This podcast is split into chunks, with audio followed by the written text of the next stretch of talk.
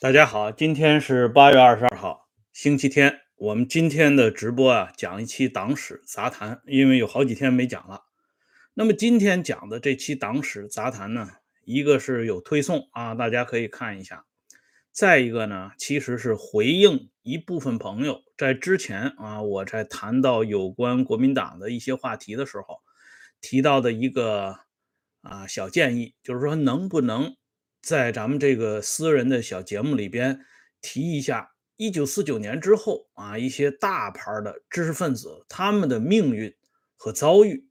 那么今天呢，我们就借这期节目给大家讲几个著名的大牌的海归知识分子，他们在一九四九年之后的境遇和结局，或者是下场。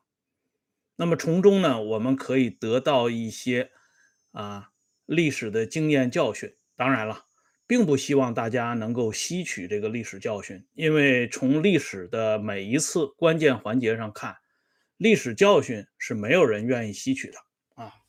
那么下边呢，我们就着重挑了这么几位著名的知识分子，竺可桢啊，大家都知道，浙江大学的校长，老先生生前最有名的。一番豪言壮语，就是要把浙江大学变成啊东方剑桥大学啊，可见他的这个理想和抱负。而竺可桢呢，也是蒋家父子蒋介石、蒋经国的座上宾，尤其蒋经国跟竺可桢的关系非常之好。再一个呢，就是大家都熟知的著名的啊地质学家。李四光，李先生呢，也是一位著名的海归啊，他是从英国学成归国啊，他呢早年的一些想法和后期的一些做法，在今天呢仍然有一定的争议，但是他在地质学界的地位呢，应该是没啥太大的争议。呃，有一部老电影，就是由孙道临。啊，扮演的李四光啊，至今呢，大家还可以从互联网上搜到。还有一个人呢，叫树星北，知道这个人的啊名字的朋友应该不是特别多。可是提到树星北的学生，我相信大家都应该知道。比如说李政道啊，这是著名的大学问家。还有一位呢，就是吴健雄。著名的物理学家吴健雄和她的丈夫袁家骝，那是响当当的物理学家。有人把他们比作是中国物理学界的呃居里夫人和居里啊。当然，这个比喻有点夸张啊。就是袁家骝和吴健雄是袁大总统袁世凯的后代，就是袁世凯的孙子和孙媳妇啊。这两口子非常有名。啊，大家由此就可以想到树星北是一个什么样的概念啊？还有一位大牌的知识分子叫曾昭啊，曾昭伦，这个人也很有名啊。这个人是曾国藩的后代，就是曾国藩的弟弟曾国藩的后代，是美国的麻省理工学院的博士。这都是这些大牌的啊。海归知识分子，那么他们这一九四九年之后的遭遇遭遇是什么样的呢？我给大家来讲一讲。先给大家看一个核定本，《炎黄春秋》二零一四年的核定本。二零一四年第八期有一篇文章，就谈到钱学森、李四光，还有咱们的竺可桢。三位大牌的海归知识分子在接受毛泽东接见过程当中的一个重要细节，这个细节呢是来自于竺可桢的日记，应该是相当可信的，因为这个日记呢是公开出版的。如果涉及到伟大领袖有不实之处，那这个日记肯定这段不会跟大家见面了啊，或者说呢？有过于真实的地方也不行啊，应该是恰到好处。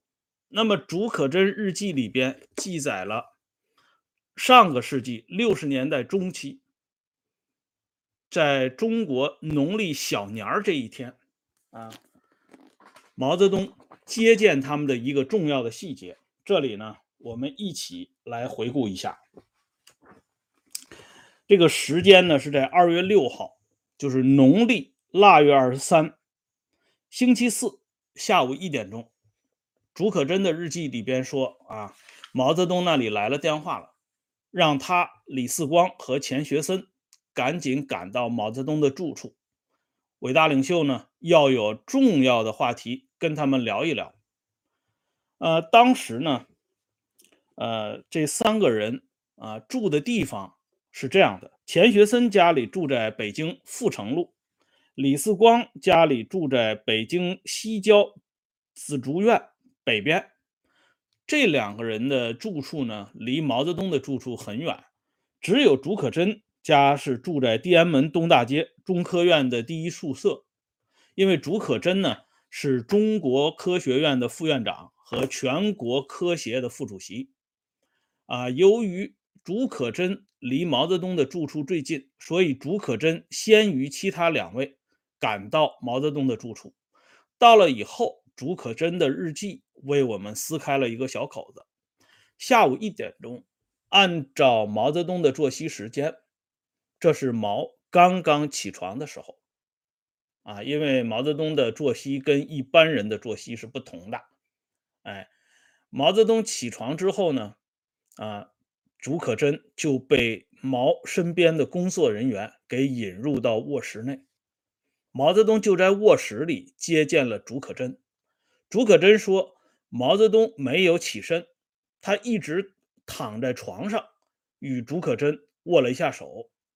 而在毛泽东的床前摆了三把椅子，这竺可桢一看就知道是留给他和钱学森、李四光的三把椅子，所以呢。”竺可桢就按照顺序坐到了毛的床边这是竺可桢的日记当中透露的一个细节。还有一点，大家注意一下，李四光和竺可桢都比毛泽东大啊。这个竺可桢比毛泽东大将近四岁，而李四光呢比毛泽东大四岁多啊。这个时候呢，大家想一想，毛本人。也已经七十一岁了，那么竺可桢、李四光都已经是在七十四岁到七十五岁之间，已经是属于啊高龄的了啊。而这个咱们的伟大领袖就是这样特立独行，他就是卧在床上没有起身，跟这两位啊比他年龄还大的老兄握了手。然后开始呢进行闲谈，其实呢表面上是才谈这个农业问题，其实，呃，据这个这篇文章上讲啊，就是描写毛泽东与竺可桢谈话的这篇文章上讲，毛泽东谈的并无急要之事，多半是与他个人哲学兴趣有关的科学问题，啊，说白了，伟大领袖。在下午一点钟起床之后，把这三个大牌海归知识分子叫到床前，人家是来闲聊的，啊！但即便是这样，这三个人也应该感到无上的荣幸，因为不是随随便便什么样的人都可以在领袖起身之际，坐到领袖的床前陪着领袖聊天的。况且呢，领袖曾经穿着睡衣。接见中央军委的重要成员啊，包括彭德怀等人，在张爱萍儿子写的那个本回忆录里边已经给我们记载了。领袖也曾经穿着睡衣接见苏联的大使，这都不足为奇。那么，领袖躺在床上跟你们这几个知识分子握握手，这已经是非常了不得的荣耀了，以至于竺可桢要写到日记里边去。那么接下来我们再看另外一幕。刚才我们说到这个竺可桢先生呢，他在浙江大学啊当过校长。那么他在浙江大学任职的这一大段时间里边，培养了一大批学术精英。这里呢就有我们现在要谈到的树星北教授。这个树星北教授啊很有名啊，著名的两弹一星的大功臣王淦昌教授跟树星北两个人是知交好朋友。那两弹一星的功臣程开甲啊，是树星北不折不扣的学生。而现在我们要讲到的的这个故事呢，就从程开甲说起。这程开甲呢，到浙江大学总务处去领这个材料，被总务处的人总务处的人刁难。树星北教授呢，非常生气啊，去了以后呢，与这个。总务处的人进行理论，并且伸手打了总务处的人。教授打人呐，这在浙江大学可是引起挺大的风波的。但这个时候呢，有两个万幸。第一个万幸呢，这个大背景是在国民党统治大陆时期啊，国民党那个时候呢，呃，被革命的热浪搞得是焦头烂额啊，估计是没工夫考虑到浙江大学教授打人这件事情。再一个万幸，是因为当时浙江大学的校长是竺可桢，所以竺可桢把这件事情呢大事化小，小事化了，树星北呢就没有受到任何实质性的责难。可是到了一九四九年之后，树星北的好运气终于来了，啊，他调到山东大学物理系。啊，因为院系调整，他给调到山东大学了。山东大学的校长叫华岗，这是一位老资格的啊革命党人。树星北在与校长华岗之间有了一番争议，完全是学术上的争议啊。华岗呢说他反对唯物辩证法，树星北呢说他压制学术，两个人就闹起来了。闹到后来呢，把这个树兴北打成了树兴北反革命集团的头目。可是啊，经过这个树兴北自己的啊不断的挣扎，到了一九五六年十月份的时候，这件事情终于有了一定的啊变化，就是树兴北反革命集团的这个帽子没有了。山东大学正式给树兴北教授平反，但是树兴北不同意，他说必须要求校长画岗当着一干人等当众。啊，这个给我道歉啊，这样呢，画岗也接受了啊。画岗呢，呃，是专门给树兴北道歉，但是这个时候呢，大家不知道的一个细节是什么呢？就是此时的山东大学校长华岗已经被上级领导机关给盯上了，认为华岗这个人。啊，与已经被打倒的胡风等人有关联，已经是打入另册了。所以华岗给树兴北道歉的大背景是在这里。可是，在树兴北看来，啊，这恰恰是党的开明所致。啊，于是呢，这个树兴北在接下来的这一年，一九五七年，大胆的做了两次重要的发言。一次呢，就是用生命来捍卫宪法，啊，再一次呢，公然对最高行政当局啊，最高首长提出自己的看法。我们先来说第一个啊，用生命来捍卫宪法。这个宪法第一部宪法是一九五四年制定的，到了一九五八年八月二十一号，毛泽东在。中央政治局扩大会议上表态，他说：“法律这个东西没有不行，但我们有我们的一套，不能靠法律啊管理多数人。民法、刑法那么多条文，谁还记得？宪法是我参加制定的，我也记不得了。我们基本不靠那些，主要靠决议、开会，一年搞四次。可惜的是呢，毛泽东说的这番话。”树兴北再也听不到了，因为他是一九五八年说的。树兴北要用生命捍卫宪法，是一九五七年。一九五七年当然不可能知道一九五八年的事儿，所以这第一条呢，就已经大家看到了树兴北的命运似乎已经被决定了。那接下来，树星北教授说的更可怕的一句话是什么呢？他说：“啊，我给大家念一下原话啊。他的原话是这么说的：他说，即使是主席，也不能保证没有偶然的错误。他就是说，毛泽东呢，也不能保证不犯错误啊，哪怕是偶然的错误，恐怕也要犯一下。这句话出去之后。”树星北的结局也就可想而知了。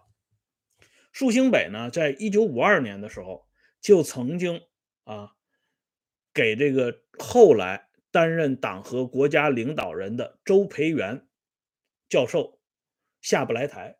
周培源的嫡系到山东大学做讲座，树星北现场给人家难堪。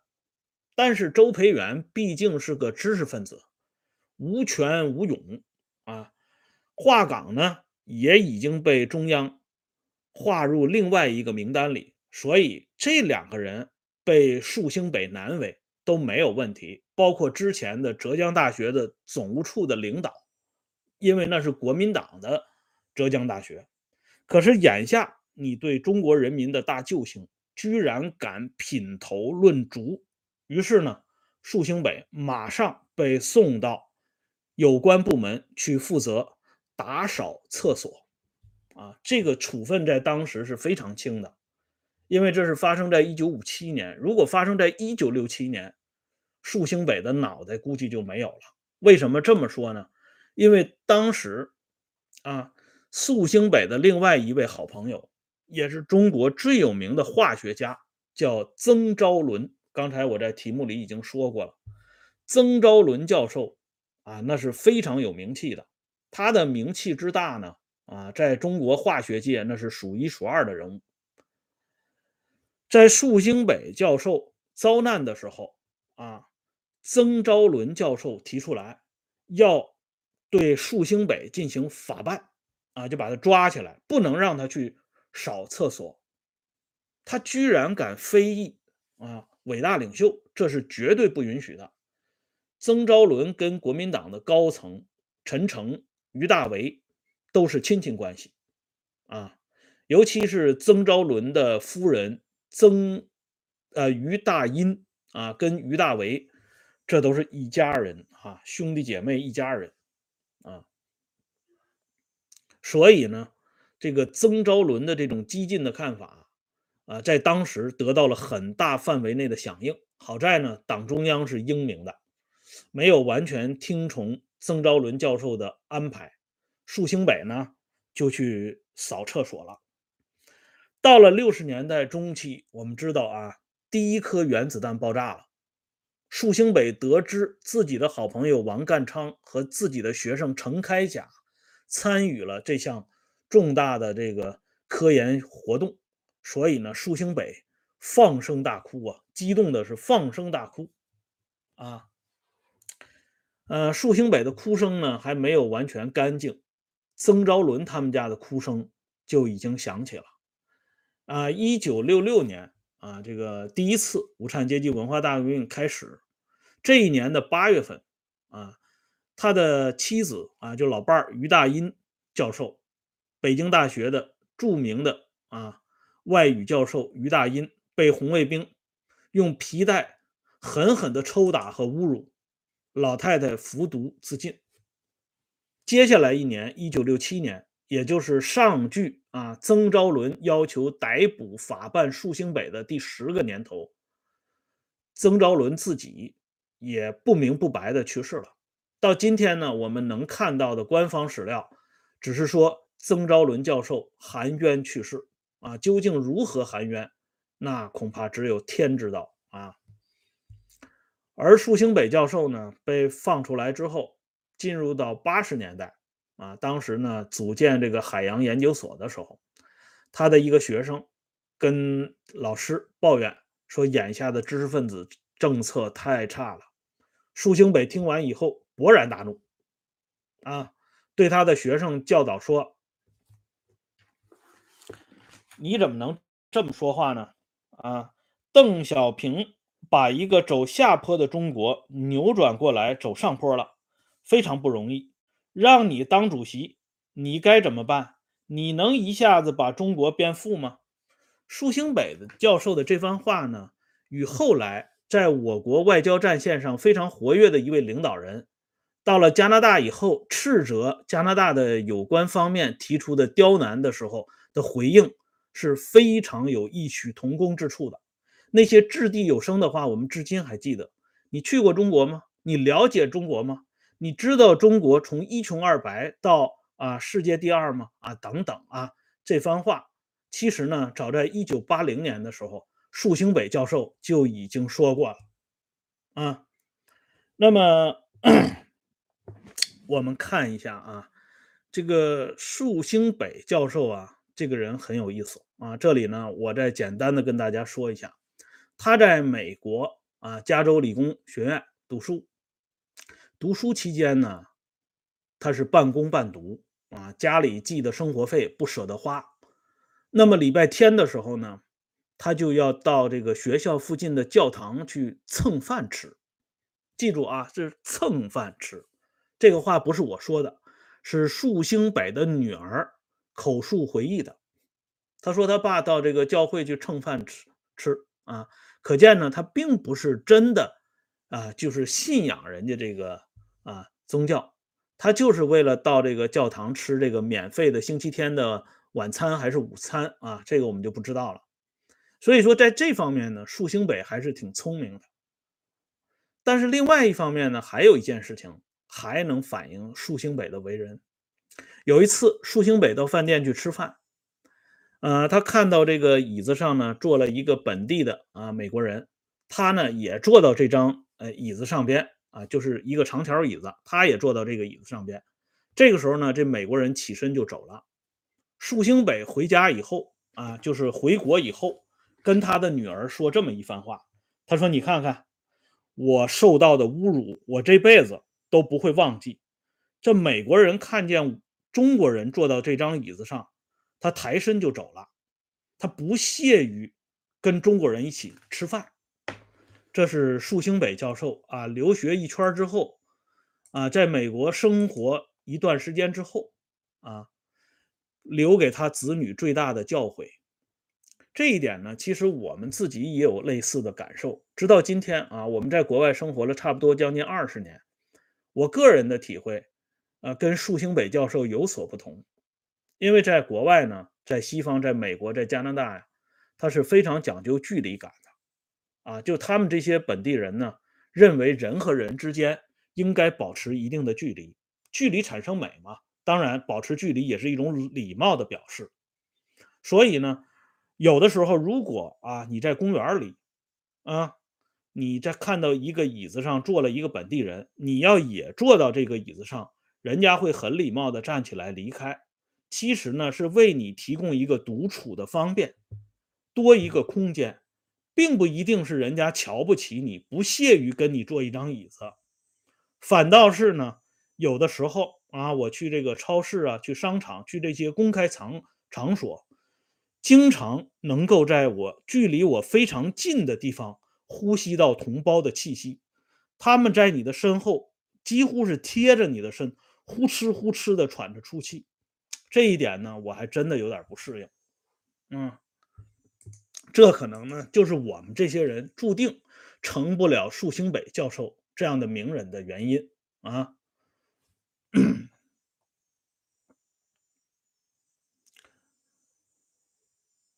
那么接下来呢，我们再看一件事情，这就是我们说到蒋家父子为什么要一败涂地啊？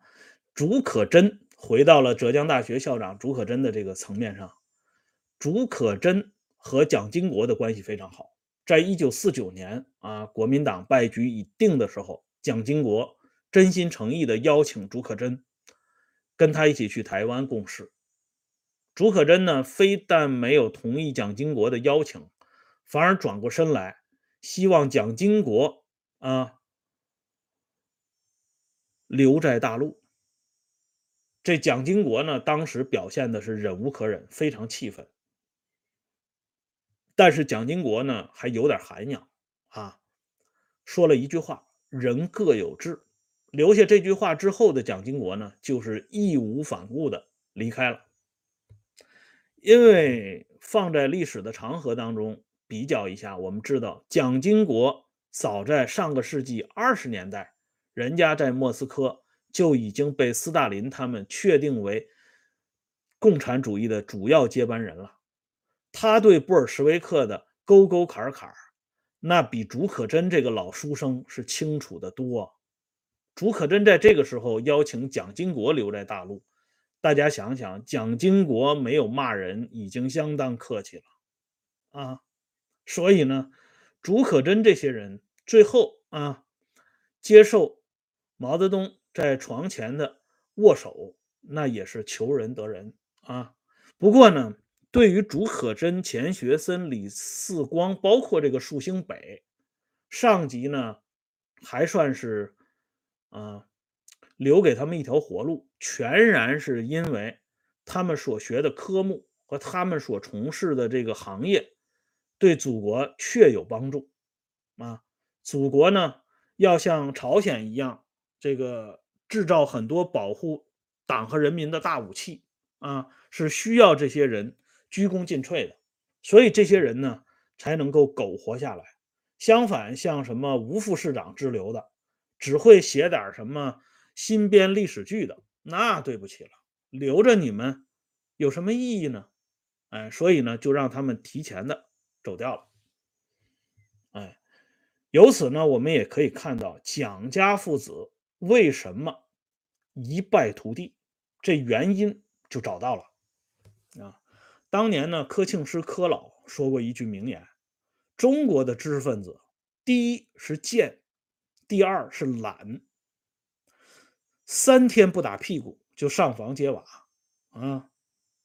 看到了吧？柯老的总结非常到位。由此呢，我们就想到五胡十六国时期有这么一位大名士，叫韦祖思啊。我给大家打一下啊，就是韦昌辉的韦，祖宗的祖，思考的思。这人是个大名士啊，大牌知识分子，非常有名气。啊，我们都知道这个十六国有一个啊，匈奴人建立的大夏国，他的开国皇帝叫赫连勃勃。这个人啊很凶残。这韦主司呢，被人领着去见了赫连勃勃大皇帝，嗯，赶紧给赫连勃勃下跪磕头。赫连勃勃看了韦主司啊这个战战兢兢的样子之后，非常生气，于是呢，就让人把韦主司给杀掉了。哎，周围的这些亲信们不理解，说韦主司对您老人家这么恭敬，您怎么还把他给杀了呢？赫连勃勃说了一段名言啊，这话说的比柯老还要早啊。赫连勃勃说：“你们不知道，这老韦啊。”他去见大秦国的皇帝姚兴的时候，那非常傲慢，因为他知道姚兴这个人礼贤下士啊，所以他特别傲慢。姚兴呢，还不以他的傲慢啊这个韦毅，还专门请韦主司上座啊，吃最好的饭菜。韦主司呢，吃完之后一抹嘴，人就走了。姚兴呢？还远远的把他送到门口。可是他眼下见了我，为什么要磕头作揖呢？因为他知道我比姚兴要狠。可是这种人如果留下来，他心里一定恨我啊！如果他死到我的后边，我百年之后，他一定写文章骂我。他把他心头的那些屈辱，一定通过文字来表达下来。那么我的 这一面就让后人看到了，与其让他在我身后做秘密报告，那我不如提前把他干掉，这样大家都省心。所以赫连勃勃就把韦主斯给杀掉了。从这一点上看呢，其实伟大领袖真的很伟大，他毕竟让李四光、啊钱学森、竺可桢、树星北活到了他的身后，难怪啊中国人民。一直非常爱戴伟大领袖，啊，难怪树星北这些人啊，后来呢也一直这个感念伟大领袖啊。竺可桢没有活到伟大领袖身后啊，竺可桢是死在这个 七六年以前了啊，纠正一下。这样的话呢，我们就想到一个一直以来的话题，就是像树星北这样的啊，包括竺可桢这样的海归知识分子，他们做了东西方和中外的对比之后留下的这些经验呢，应该说是很宝贵的。他们呢为人也不错，这是我们中国人传统概念当中的好人。那么党内的好人呢，我们都知道。胡耀邦、黄克诚、彭德怀、张闻天，这都算是好人。但是这个好人是什么样的概念呢？就像刚才我提到这个曾昭伦教授要求法办树星北一样，胡耀邦和黄克诚在建国初期的一打三反运动当中啊，啊，就是三反五反运动当中，他们也是高声叫好，要求呢不杀不足以平民愤。但是他跟那些推行极左政策的人，所谓的坏人的最大区别呢，就体现在对全聚德烤鸭的人文关怀上。啊，这里呢，我就举这个全聚德的例子。这个例子以前我给大家举过，大家听起来比较通俗易懂啊。就是说，这个烤鸭店呢，养了很多鸭子。啊，胡耀邦和黄克诚他们这些这个饲养员也好。厨师也好，他们主张不能随随便便把鸭子都杀掉，因为你随随便便把鸭子都杀掉，或者杀的过多的话，那我们这个饭店的经营就要受到影响。没有这么多鸭子进行烤制了，那么这个顾客来了肯定要不满意，饭店的收入呢就下降了。所以我们要保持一个度啊，不是什么鸭子都要杀掉的。哎，而且呢。在这个鸭子的饲料问题上，也要进行精加工。昨天不是那个总摘桃师的这个呃生日吗？啊，有的朋友还提醒我，呃，总设计师当年设计的这个框架呢，也是饲料精加工的这个框架。吃好喝好啊，吃好喝好之后呢，养的肥肥的，你是焖炉烤呢也好，挂炉烤呢也好，而且由于啊。这些好人啊，他们做的这些好事儿，让鸭子们，让这些烤鸭们也产生错觉，他也产生一种情怀，就是他们真的以为自己是这个烤鸭店的股东。这就像前两天的这个网上说的这个笑话啊，鸭子们自认为自己是烤鸭店的股东，他们觉得自己被架到焖炉或者是这个挂炉上边。不是被烤制，而是为烤鸭店做贡献，为了烤鸭店的效益而奋斗。所以，树星北这样的人留给我们今天的历史教训，无外乎此。胡耀邦、黄克诚等人的啊这些丰功伟绩，留给后人的瞻仰，也无外乎此。只是大家真的要想一想啊，作为鸭子，你是不是烤鸭店的股东呢？好了。